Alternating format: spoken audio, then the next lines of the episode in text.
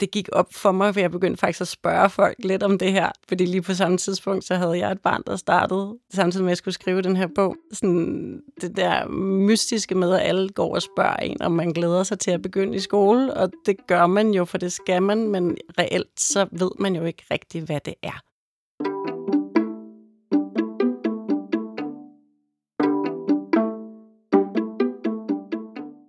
Nå, siger onkel Morten og giver Karen en kæmpe svingtur på græsplænen. Rundt og rundt og rundt. Glæder du dig til i morgen? Han slipper hende, og Karen ligger et øjeblik på græsplænen og lader himlen og haven og skyerne falde på plads igen. Ja, siger hun. Hun ved ikke, hvad hun mere skal sige. Alle voksne spørger bare om det samme, og hver gang siger hun bare ja og smiler for selvfølgelig glæder hun sig. Karen kan næsten ikke huske, hvordan det er ikke at glæde sig til at begynde i skole. Men der er noget, der går op for hende, mens hun ligger der på græsset, og verden langsomt begynder at vende den rigtige vej. Det her er ikke ligesom at glæde sig til en tur i Tivoli, eller i biografen, eller på legeplads. Tanken kommer til hende lige der, i haven, på græsplænen, på Villavejen. Her lugter af græs og grillkul og solcreme, og Karen har første skoledag i morgen, men hun aner faktisk ikke, hvad det er, hun glæder sig til. Hun ved ikke, hvordan man går i skole. Alle vi voksne har prøvet det, og alle børn kommer til at prøve det. Det er skræmmende, stort og spændende. Det er skolestarten. I dette særafsnit af Højt at læse helliger vi os helt og holdent til de børn, som på den ene eller anden måde har skolestarten inde på livet. For nogle børn betyder det, at de ligesom Karen skal begynde i skole en sommerdag om ikke så længe. For andre kan det betyde, at de skal starte i SFO en af de første dage i maj. Og for andre børn betyder det, at deres venner skal begynde i skole, og de selv skal blive tilbage i børnehaven. Fælles for dem alle er, at de står over for en stor livsforandring.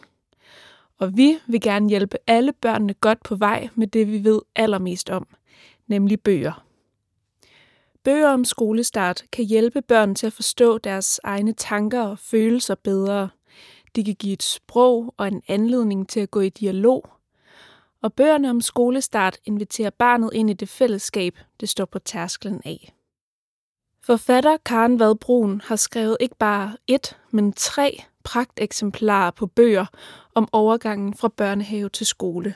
Bøgerne følger navnesøsteren Karen i hele året op til hendes skolestart, fra hun som den eneste af sine venner ikke skal begynde i skole, til hun begynder i SFO og derfor næsten i skole, til det endelig bliver hendes tur, og hun en sommerdag ligger på græsset, efter hendes onkel har givet hende en svingtur.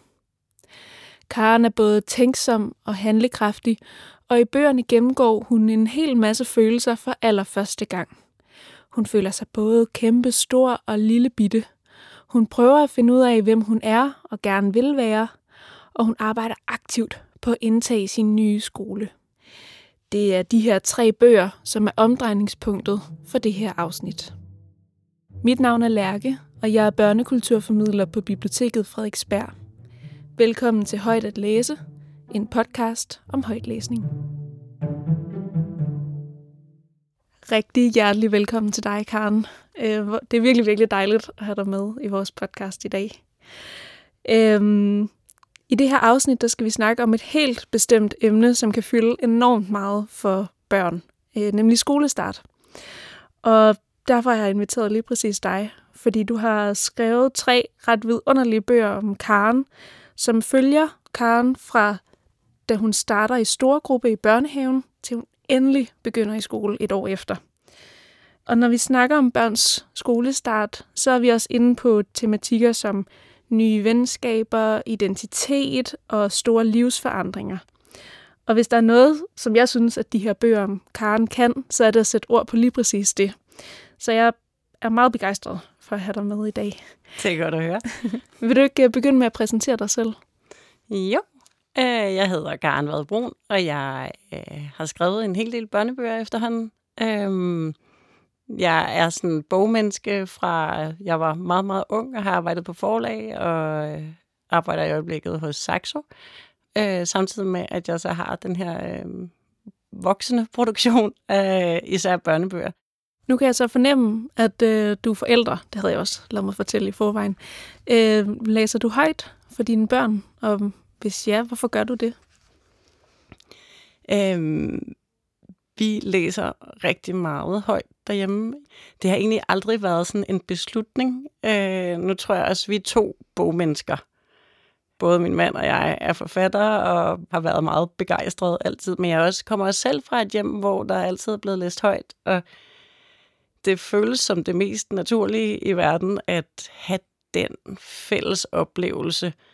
Altså, vi har gjort det selvfølgelig, eller siger jeg, da de var helt små. Øhm, som, som sådan øh, et, en måde at samles på om, om ja, både læring, men selvfølgelig også det der med, at man følger sine børn på en ret fantastisk måde.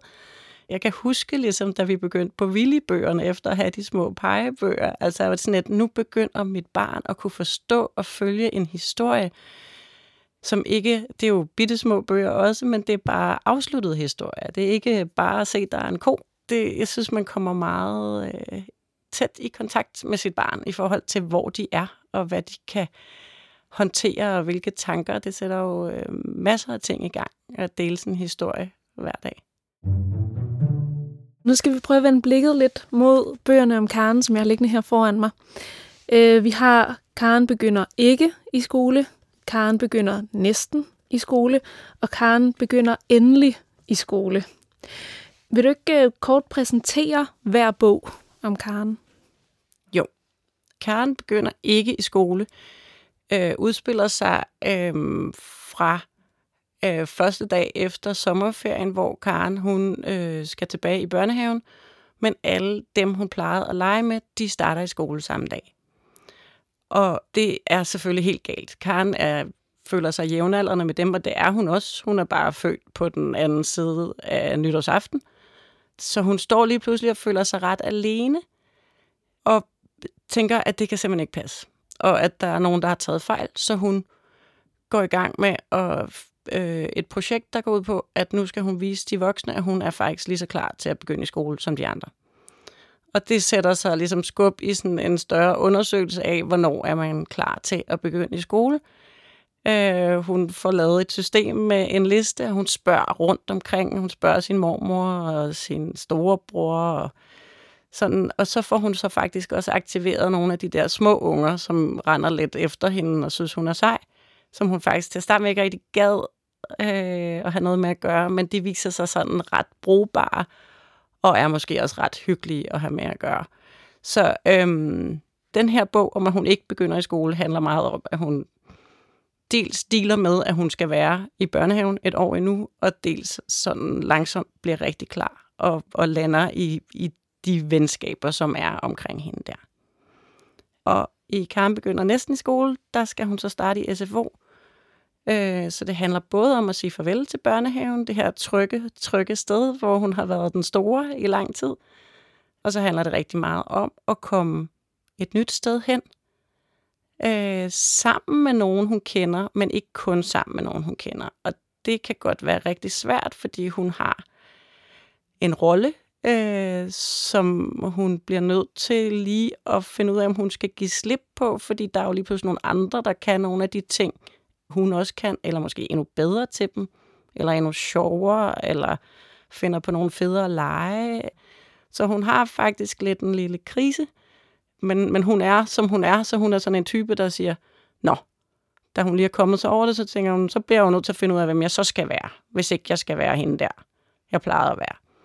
Så i den her næsten bogen, der øh, handler det også rigtig meget om at prøve at finde ud af, hvem man gerne vil være, måske også finde ud af, at øh, det behøver man ikke at vide. Men øh, ja, så der lander hun ligesom i relationerne.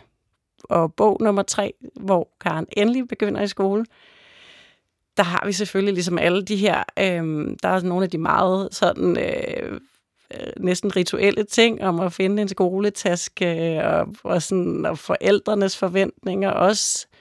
Så det er sådan den tager meget fat i, ligesom, hvornår er man så rigtig begyndt i skole, og også meget noget, noget med at gøre skoles, altså den selve skolen, rummet skolen til ens eget, øh, og komme ind i, i hele det der gigantiske nye univers, som man ved, man skal være i i virkelig lang tid. Hvorfor begyndte du at skrive om Karen? Hvordan dukkede hun op? Jamen altså, øhm, jeg havde jo det her med, at jeg tænkte, at der manglede en bog om at starte i skole, som havde en pige som hovedperson. Men jeg var også meget bevidst om, at øh, det ikke skulle være en pigebog på den måde, øh, fordi det vil vi jo for det første bare gerne ud af. Øh, men også, at det sådan... Jeg havde brug for en person, som sådan selv øh, kunne komme ud af sine problemer på en eller anden måde. Øhm, så, så det var meget vigtigt for mig, at det var en pige, der kunne handle selv. Fordi børn, og især i den alder, og især når det handler om skift og skolestart, og i det hele taget alle mulige andre skift, så er børnene jo øh, virkelig meget i vores øh, magt. De voksne er også, vi udstikker alt, og de kan simpelthen, de må bare følge trop så derfor så, så var det vigtigt at finde en person, som sådan kunne finde et eller andet rum at, at handle i, inden for de rammer, der nu var. Så på den måde var det vigtigt, at hun var en pige, og det var vigtigt, at hun, øh, at hun var handlekraftig. Og så, øh, så blev hun til Karen sådan, sådan lidt af nød, faktisk. Fordi jeg, jeg, jeg havde faktisk en længere rundspørg hos nogle af mine venner om sådan, hvad skal hun hedde? Jeg kunne simpelthen ikke finde ud af det. Øhm, og så til sidst, så tænker jeg, ej, okay. Lige nu hedder hun bare Karen, og så placerer jeg hende i mit barndomshjem. Og øhm, hun bor i et gult hus. Og over på den anden side af vejen, der bor P, og det gjorde han også, da jeg var barn. Øhm, men det var simpelthen, det var ikke meningen, hun skulle blive ved med at hedde Karen. Men, men det gjorde hun så. altså det, øh, så tænker jeg, det passer måske meget godt til hende på en eller anden måde. Hun er ikke mig men, men hun har selvfølgelig masser af mig i sig. Men har du trukket på nogle af dine egne erfaringer, enten som barn, der starter i skole, eller som forældre til et barn, der starter i skole? Altså det har jeg øh, i høj grad med sådan nogle meget praktiske ting. Altså mine børn, de dør i grin, når de læser de der, fordi der er masser af pædagoger og ting og sager, der går igen. Og øh, altså små bitte ting, men som jeg tænker er med til at gøre det troværdigt at skabe et, en børnehavefølelse, som er, altså den er også skrevet, mens jeg havde min daglige gang i, i, øh, i en børnehave. Og sådan, der er mange af de der stemningsting, som kommer fra dem. Øh, men, men i virkeligheden, så tror jeg, sådan de der grundfølelser, det er sådan, der trækker jeg stort set altid på mine egne erfaringer, når jeg skriver. Altså, jeg har sådan ret tydelig erindring om mange af de følelser. Og selvfølgelig er noget af det også, at det har man, at de er der endnu, mange af de grundfølelser. Øhm, men men øh, det er ikke fordi, jeg kan huske specielt meget selv, altså sådan øh, helt konkrete øh, forløb, men jeg kan huske følelsen af at ikke vide, hvor jeg skal sætte mig. Sådan, hvor det rigtige sted, og går man nu glip af noget, og hvem jeg helst sidde ved siden af, og alle de der ting, som jeg tror, alle i virkeligheden kender det er der masser af i de bøger. Og det er der sådan faktisk nok i alle mine bøger på en eller anden måde. Sådan, øh, at det er de der meget sådan grundlæggende følelser, som jeg synes er interessante at tage op og kigge på. Vil du prøve at sætte ord på, hvad det er så for nogle grundfølelser? Øhm, fordi jeg er meget enig. Altså, øh, jeg kan genkende noget, noget af det, der gør det til en, en særlig læseoplevelse for mig, er, at jeg på den ene side kan se for mig, hvordan den her bog kan gøre kan være virkelig interessant og vigtig for, for et barn at få læst højt, men den gør også noget ved mig. Den vækker en masse minder, og den sætter faktisk ord på nogle grundfølelser, jeg kan genkende som voksen kvinde. Øh, så vil du prøve at sætte ord på nogle af de der grundfølelser, du snakker om? Altså især når man har en person som en hovedperson som Karen, som tænker over de følelser, hun har, øh, så, så er det øh, et, en interessant måde, synes jeg, at man kan kigge på, Øh, hvis hun lige pludselig føler, okay, hvorfor bliver jeg sur på hende her, over at hun er bedre end mig til et eller andet? Hvad, hvad går det ud på? Øh, så er det en følelse, som hun sikkert kommer til at kende igen og igen, men hun har ikke haft den før. Øh, og det der med, at det er første gang, det gør, at, øh, at, at man kan kigge på den på en helt anden måde, fordi den følelsen står ligesom helt rent og, og, og, og ukendt for hende. Øhm, og det tror jeg også er i sådan en højtlæsningssammenhæng en rigtig god måde at få talt om nogle af de følelser på, øhm, hvor at vi voksne måske bare vi genkender den, fordi vi har følt den mange gange. Øhm, men det, at den er ny for Karen, det gør også, at den er nemmere øh, at kigge på for os andre. Hvis Karen skulle bestemme, så skulle det hele nok bare være lidt ligesom før. Så skulle hun hænge sammen med Julius og Esther og Pil, og det hele skulle være nemt. De vil alle sammen være glade, og hun vil ikke være sådan i tvivl hele tiden. Når hun tænker sådan, kommer Karen virkelig til at længes tilbage til børnehaven. Men der er også en del af hende, der godt kan se, at det ikke kan være sådan længere. Der er allerede sket for meget. De er et andet sted nu. Og på det her sted er der lille og blå, gule og røde grupper. Og fodbold og hestetegninger og andre ting, man ikke lige sådan kan lade som om ikke findes. En gave kaldte mor det. Man kan starte i SFO og blive en helt ny Karen. Hvad nu hvis den gamle ikke dur mere? Men så er det store spørgsmål, hvem den nye Karen skal være. Hvordan skal hun være? Øh, hvis vi lige skal prøve at tage fat i Karen begynder næsten i skole, så som du har nævnt, så fylder relationer og nye venskaber rigtig meget. Øhm, og øhm, nogle gange, når, når, man, når jeg snakker med forældre omkring skolestart, så øh, er det også øh, det her med at, at kunne bogstaverne og kunne reglerne, og som egentlig er noget af det, der fylder lidt i bog 1. Øh, men, men i virkeligheden, så er det, det relationerne, øh, der, der fylder rigtig meget, når hun begynder at tage de der skridt hen imod skolen. Hvordan kan det være, at du har valgt at lægge det fokus frem for øhm, følelsen af at kunne alle bogstaverne og øh, være klar til at lære og sådan noget? Jamen, jeg tror, der er flere ting i det. Altså, på den ene side, det er sådan meget konkret, at det er min oplevelse, at det er også det, skolerne prioriterer, det er, at før man overhovedet er i stand til at lære noget, så skal man lande i sine relationer. Øh, og det dur ikke, hvis du er fuldkommen rundt på gulvet og ikke ved, øh, om du, altså, øh, hvem de andre er, og hvordan man skal opføre sig. Og, øh, så det er selvfølgelig en del af det. Det er ligesom, at, at der går noget tid, og det fylder så også noget i bog nummer tre, at Karno går og venter på, hvornår skal de få lov til at lære noget. Fordi det, det er i hvert fald min oplevelse sådan, øh, med mine egne børn, at øh, det selvfølgelig er det der, øh, og det er vigtigt. Men først og fremmest, så skal, de, så skal børnene finde ud af at være sammen. Og det er jo også en vild ting. Nu kan man sige, at lige her, der er der så mange, der kommer lidt det samme sted fra, og det er der jo selvfølgelig ofte. Øh, men, men stadigvæk, så kan man godt komme fra fire forskellige børnehaver, hvor man taler vidt forskelligt til hinanden, eller har nogle meget forskellige regler, eller der er nye regler i skolen, og lige pludselig så må man ikke holde ude, og det måtte man gerne i børnehaven, eller der kan være virkelig mange ting, som jeg tror faktisk er meget mere udmattende at lære, end at begynde at lære bogstaver. Altså, det er i hvert fald også med alle de lærere, jeg har talt med, at de siger sådan, det andet, det skal nok komme. Altså, det, den, den store udfordring, det er at få gruppen til at fungere som gruppe, og så kan vi begynde at proppe læring ind derefter. I år skal I først og fremmest lære at gå i skole, siger Jens. Og det føles lidt som om, han har læst Karens tanker. Karen er ikke helt tilfreds.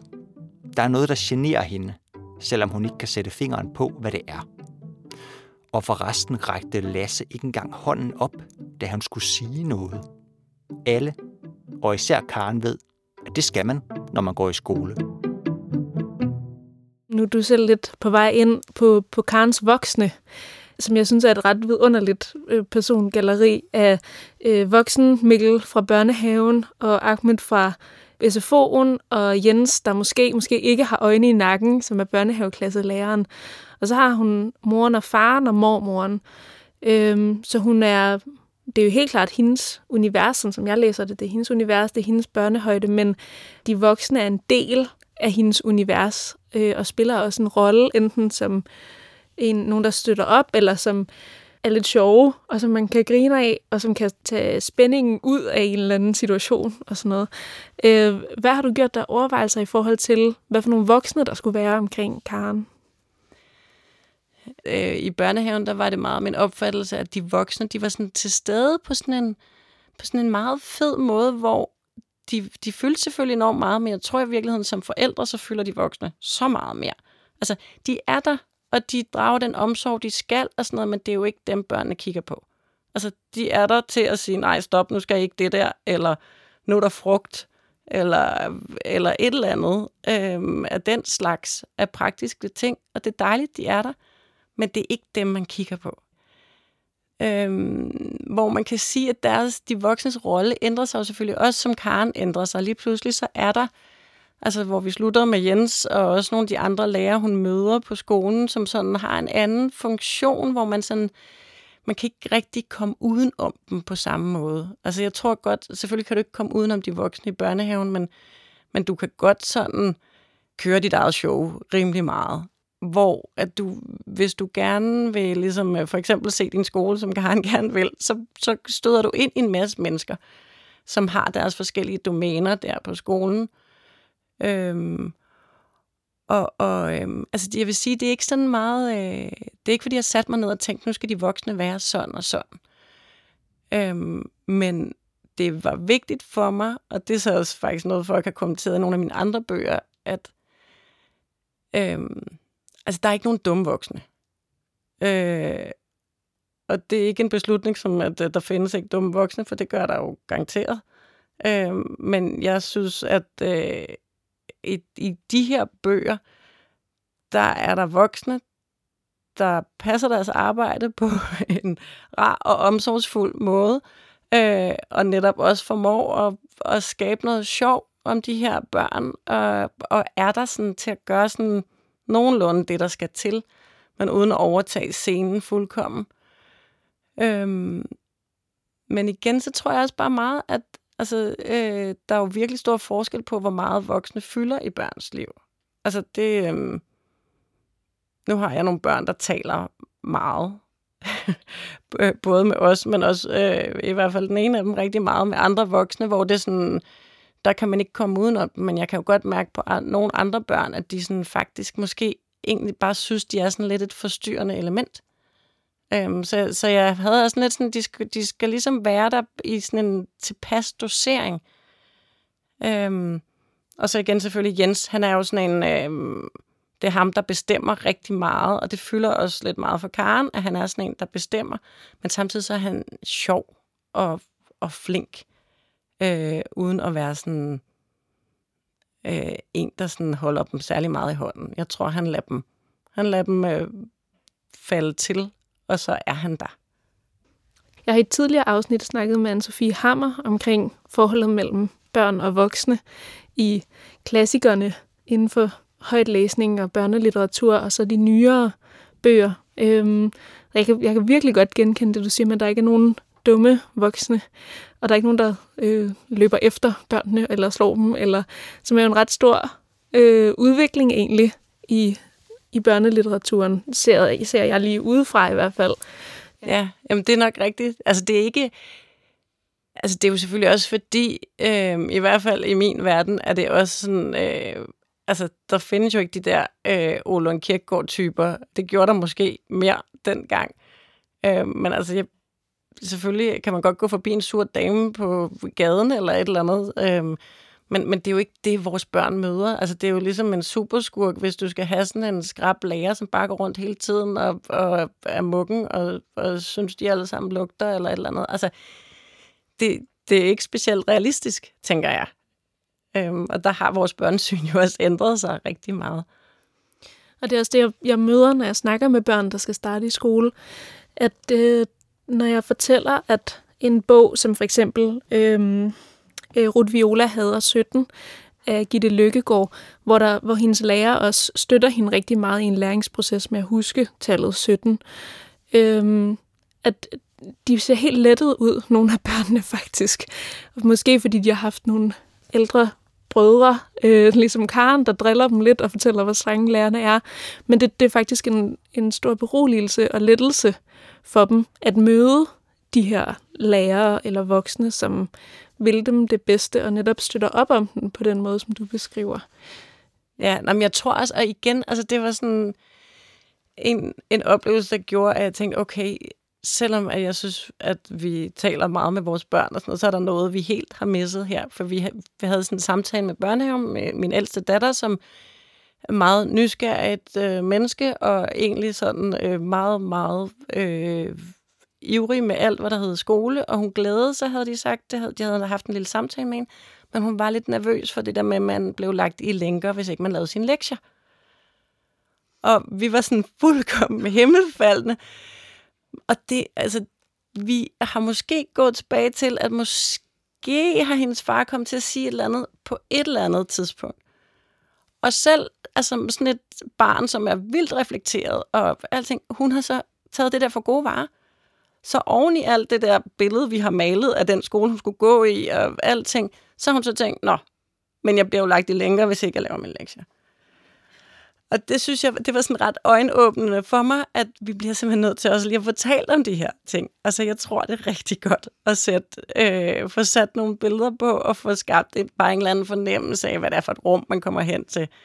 Øhm, fordi jeg tror også netop det der med, jeg glæder mig til at gå i skole. Øh, ja, selvfølgelig gør jeg det. Altså, og vi voksne spørger jo også, uden at tænke os om. Altså, fordi hvad skal de svare? Ja, de, de kan godt fornemme, at der i hvert fald er et rigtigt svar, tror jeg. Ja, det tror jeg. Helt sikkert. Jeg har læst et sted, at du kalder Karen både tænksom og handlekraftig. Og, og den, et sted, det ligesom kommer meget til udtryk i bøgerne, er de her lister, Karen laver. Hun har fået en lille bog af sin, en lille notesbog af sin mormor, som vender tilbage i hver bog, når hun oplever, at der skal lægges en plan, fordi der er en eller anden krise. Øhm, vil du ikke fortælle lidt om de her lister? Jo, øhm, jamen det, det øh, opstod lidt netop, fordi jeg skulle prøve at finde ud af, hvordan får vi sat et system i det her. Øh, der, der er, det er selvfølgelig lidt vildt at tænke på en femårig, der sidder og laver en liste. Øhm, men, men Karen er netop sådan et barn, der øh, hun har lidt, hun har behov for at få sat tingene på plads på en eller anden måde. Øhm, så selvom hun ikke kan skrive bogstaver, for det er jo noget af det, der skal stå på hendes liste, hun skal lære, så øh, kan hun godt finde ud af at lave en tegning og sætte, øh, lave en boks, fordi hun har set de voksne lave lister, så det ved hun godt, hvordan man gør. Øhm, og det bliver ligesom hendes måde at, at få sat verden sådan lidt øh, på plads ind i sit hoved. Øhm, og, og i den første bog, der handler det netop om det her med, hvad er det for ting, man skal kunne for at starte i skole. Og det er jo sådan lidt et virvar, fordi hun har samlet de her forslag eller oplysninger ind fra alle mulige forskellige steder. Hendes storebror er lidt en drillepind og siger, at hun først er klar til at starte i skolen, når hun kan finde ud af at dele sit slik. Øhm, og det kan man måske godt ane en lille bagtanke med. Og det kan Karen også godt, men samtidig så ved hun jo ikke. Altså hun ved godt, at det, altså, det er, hvad han narrer hende, men det kan også være, at han har ret. Og hvad gør man så? Så må hun jo bare teste det. Øhm, og i bog nummer to er det så det her med, hvad er det for nogle forskellige typer, øh, der er i skolen, hvis nu man ligesom øh, skulle, skulle se dem i grupper. Og, og i bog 3, der bliver det simpelthen sådan, hvordan hun øh, gør skolen til sit land på en eller anden måde. Det er noget med at finde ud af, hvordan, det hele, hvordan hele skolen hænger sammen. Og det bliver jo selvfølgelig lokalerne og sådan noget, men, men det bliver også alt muligt andet. Det bliver også noget med at forstå det her med, at man har de her mange forskellige fag, og, og, øh, og at en skole er et vildt sted, hvor der foregår alle mulige ting. Og så er der et syværksted, og så er der et køkken, og altså det er jo sådan helt slaraffenland. Øhm, hvis man først begynder at åbne nogle af alle de der døre rundt omkring. Øhm, så det er sådan, jeg tænker, at det er jo sådan, det, det er en måde, hvor, øh, hvor Karen får sat ikke ord, men tegninger på nogle af de, øh, af de ting, hun tumler med lige der. Det er Signe Kær, der har illustreret øh, bøgerne. Og altså, jeg synes, det er små genialt med de her lister, øh, ud fra, øh, udover at, at det er, øh, det er ret stemningsfuldt øh, med de der barne, barnlige streger, så i forhold til at være en bog, der handler om en meget konkret episode i et barns liv, som alle børn kommer ud for, og alle har været igennem, øh, at, at der så helt visuelt bliver udtrykt nogle af de, alle de mange tanker, et barn kan have omkring skolestarten. Øhm, så det her er jo en højtlæsningsbog, men det er jo en, en bog, hvor at øhm, der ikke kun bliver sat ord, men også billeder på alt det, der foregår inden i de her børns, eller i hvert fald nogle af de ting, øh, der foregår inde i de her børns hoveder. Ja, jamen, jeg synes, hun har gjort det så fantastisk scene. Det er virkelig nogle dejlige, dejlige illustrationer, og, og hun har faktisk haft sin øh, datter til at hjælpe med at lave de, øh, de her helt barnlige tegninger. Så, og det er, jeg synes også, at det, det er blevet så fint, og netop også, at der er en forskel mellem de ting, Karen selv tegner, og så de, de illustrationer, der, der viser Karen. Det er jeg virkelig glad for, at vi har det gode samarbejde. Og det leder mig faktisk hen til noget, det jeg gerne vil øh, hvad hedder det, nå, inden vi skal slutte, som er forældrene.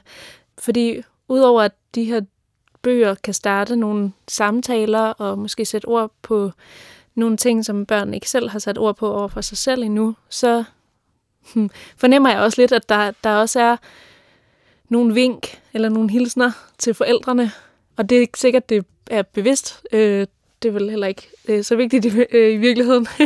men men, men øh, måske især øh, sådan hele første skoledag, når moren har lidt røde øjne, og Karen registrerer det ligesom, at det er lidt underligt. Og, men jeg synes egentlig, jeg synes egentlig også, at, at forældrene bliver taget lidt i hånden. Så det er jo også, det er jo måske også det, som en virkelig god højtlæsningsbog kan, at der også er, altså, der er også noget til den voksne, øh, udover ens egen nostalgi og så videre, så er der også på en eller anden måde viser du i hvert fald, skildrer du nogle af de følelser, forældrene også går igennem i det her skift. Mor har slet ikke travlt i dag. Hun bliver ved med at snakke med Maria og voksen Mikkel og alle de andre voksne. Hun har røde pletter på halsen, og Karen synes faktisk også, hun ser hende tørre øjnene på et tidspunkt. Det er jo også min sidste børnehavedag, hører Karen hende sige til Esters mor. Det forstår Karen ikke helt, men hun kan mærke, at mor er glad på den der måde, hvor hun hele tiden skal kramme hende.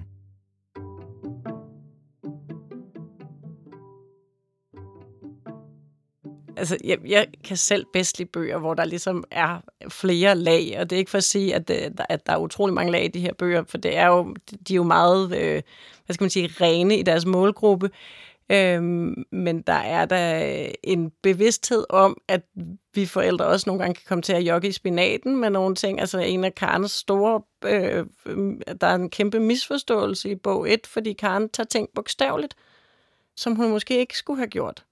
Øh, men det kunne hun simpelthen ikke vide, fordi altså, de voksne siger mærkelige ting nogle gange, og overvejer ikke altid, apropos lænkerne, hvad det egentlig øh, sætter i gang øh, hos børnene og første skoledag er jo... Øh, altså, det, jeg, jeg synes også, at det var sjovt at tænke på det der med, hvor mange, hvor meget af det, der er de voksnes forventninger her egentlig, og hvor, hvor, hvor meget på arbejde børnene måske også er, for at, ligesom at leve op til den forventning om, at, at de skal glæde sig, for eksempel. Og første skoledag, altså Karen har også lidt den der med sådan, okay, men hvad så med anden skoledag? Hun har hørt utrolig meget om første skoledag, hun har intet hørt om anden skoledag. Og det er jo lidt sådan... Øh, altså på den måde tænker jeg også, det er jo ikke for at hænge forældrene ud, men det er måske bare lige for at pege på, at, at der kommer noget efter den dag. Og det er det, de skal være klar til. Altså det er ikke så vigtigt, om de får et æble, eller hvad det er, der skal ske lige den dag, og vi skal, hvorfor en kjole de skal have på.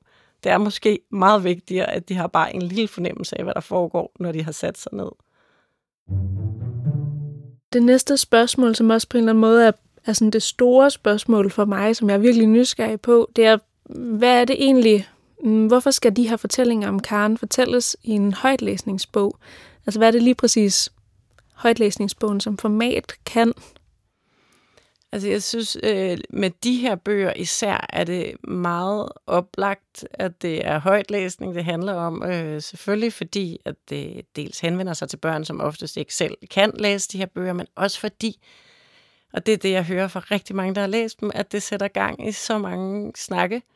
Øh, og det netop er sådan, at det prikker til, øh, og især øh, selvfølgelig i den allerførste, sådan mange af de der overvejelser, hvad er det, og, og jeg har også fået billeder fra folk, hvor de har lavet deres egen liste, Øhm, og sådan, det er meget, meget fint, men det er, jeg tror, at det er sådan meget velkomment, og netop i den der periode, som er inden skolestart, at man sammen sidder og forventer nogle af de der ting. Øhm, fordi det er jo ikke, fordi Karens lister er sandheden. Altså, det er jo ikke... Øh, Karen får at vide, at hun, eller tror, hun nok skal have tabt en tand for at være klar til at starte i skole. Og det er jo ikke rigtigt. Så det er jo ikke, fordi det er en facitliste. Det er Karens liste. Øh, men den er et rigtig godt sted, tror jeg, eller lyder det som om på andre i hvert fald, at begynde en, en vigtig snak ud fra. Og der er jo også, nu fortalte jeg, dem, nogle, nu fortalte jeg nogle kollegaer i Voksenbiblioteket om, at vi skulle optage øh, et afsnit om dine bøger, øh, og hvor vi snakkede om, at det er sjældent, at der er nogen, der skriver øh, så mange sider om et år i et barns liv. Og det viser jo virkelig, hvor komprimeret det er det år, fordi det jo i virkeligheden ikke handler om, altså hvad er vi, to-tre uger inde i 0. klasse, da tredje bog slutter, men det er jo hele året op til skolestarten. Så det, det er jo ikke kun første skoledag. Nej. Og det, er jo, det er jo det er et helt år i forvejen. Og det, er jo, og det er jo også en vild, vild tid. Og det tror jeg bare ikke, at man skal undervurdere, øh, hvor voldsomt det er for børn. Nu havde jeg selv, mine børn, de gik ikke i SFO, skal siges. Og det var også en hæftig tid, fordi det er jo sådan et sært limbo, hvor man, når de andre begynder i SFO, og man så har den der periode, hvor der ikke sker noget, og man ved, at lige om lidt, så ændrer ens liv sig fuldkommen. Øhm, og, og jeg tror bare, at det er sådan... Øh, altså netop... Altså som sagt, jeg, jeg, jeg ville gerne starte med at skrive en bog om en pige, der startede i skole. Og så kom der så ligesom de her to bøger før, at hun så kom derhen.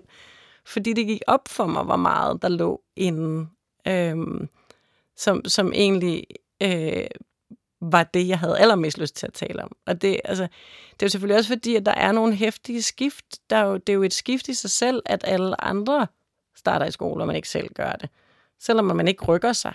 Men at man er den, der bliver tilbage, det er jo også voldsomt. Øhm, og så selvfølgelig den her nedtrapning, som er sådan en speciel ting, fordi man ved, det skal ske, og alt er ligesom sådan øh, gearet på. Man kender ligesom, om først så er du der, og så rykker du op til den her øh, store gruppe, og så efter det, så skal du i SFO, og så skal du det. Det er sådan, man ved det, man har set det hos sine øh, søskende, eller, eller de andre, man har gået sammen med. Der er sådan en forventning, som sådan selvfølgelig er tryg på en eller anden måde, men det er også hæftigt, tror jeg, for dem. Øh, og også for de voksne i hvert fald. Altså, især sådan første gang, tror jeg, det er rigtig vildt, fordi det er jo, hver gang skal man øh, også håndtere nye voksne, øh, man skal snakke med, og som skal lære ens barn at kende, og som øh, man kommer fra at have afleveret muligvis øh, sit barn i to-tre år det samme sted, hvor de ved alt, øh, og ved, at, øh, ja, at han ikke kan tåle øh, gulerødder eller et eller andet. Ikke? Og, og, øh, og så over i den der øh, SFO og skoleverden, hvor man skal give slip på en helt anden måde. Øhm, så, så det er jo altså det er jo rigtigt, det er sjovt. Det er jo kun lidt over et år, øh, der foregår, eller de foregår over, men, men der sker øh, kolossale ændringer for Karen og hendes venner, og, og også for, øh, for hendes forældre. Øh, selvom at hun ikke lægger så meget mærke til det. Men, men det, det er der, ligesom. Jeg fik faktisk, øh, der var et forlag, der kiggede på bogen og syntes, at, hun, at den henvendte sig til børn, der var alt for store til det her. Fordi de synes, at hun var for reflekteret. Øhm, og det har jo så vist sig, at heldigvis, at det ikke øh, var sagen. Men, men det synes jeg var lidt interessant, at hvad, hvad går vi ud fra, at børn kan rumme? Øhm, og jeg tænker igen højtlæsning, at så længe at man har en voksen i hånden, og det er rimelig tydeligt, hvad der, er, der foregår, så tror jeg altså, at øh, børn kan håndtere ret meget, og har brug for også, at der bliver talt om det. Hey, så et dejligt sted at slutte. ja, tusind tak, fordi du kom i dag, Karen. Tak. Vores særafsnit om skolestart nærmer sig sin afslutning. Men før vi slipper Karen, både hende i bogen og forfatteren, opsummerer jeg lige vores samtale.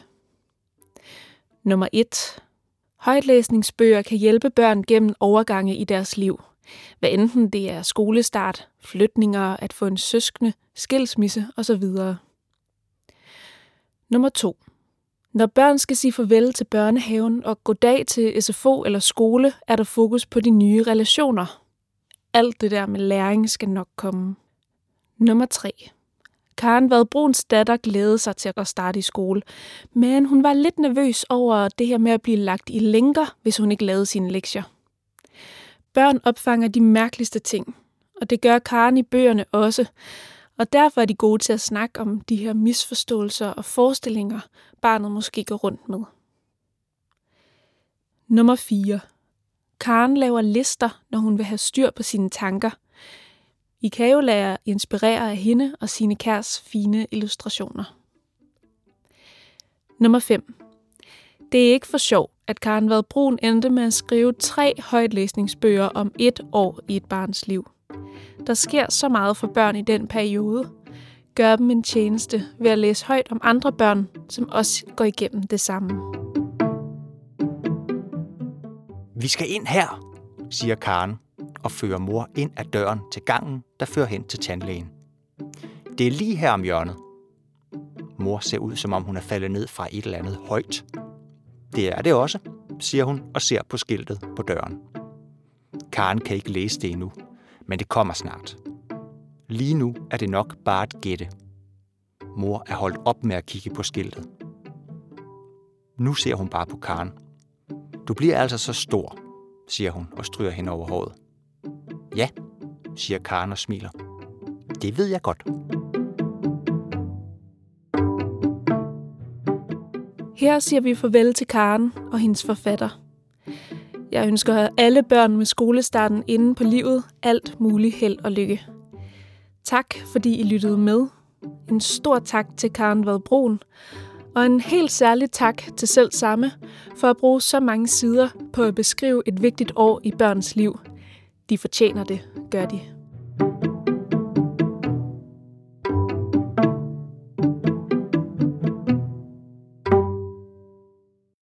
Denne podcast blev produceret af Biblioteket Frederiksberg.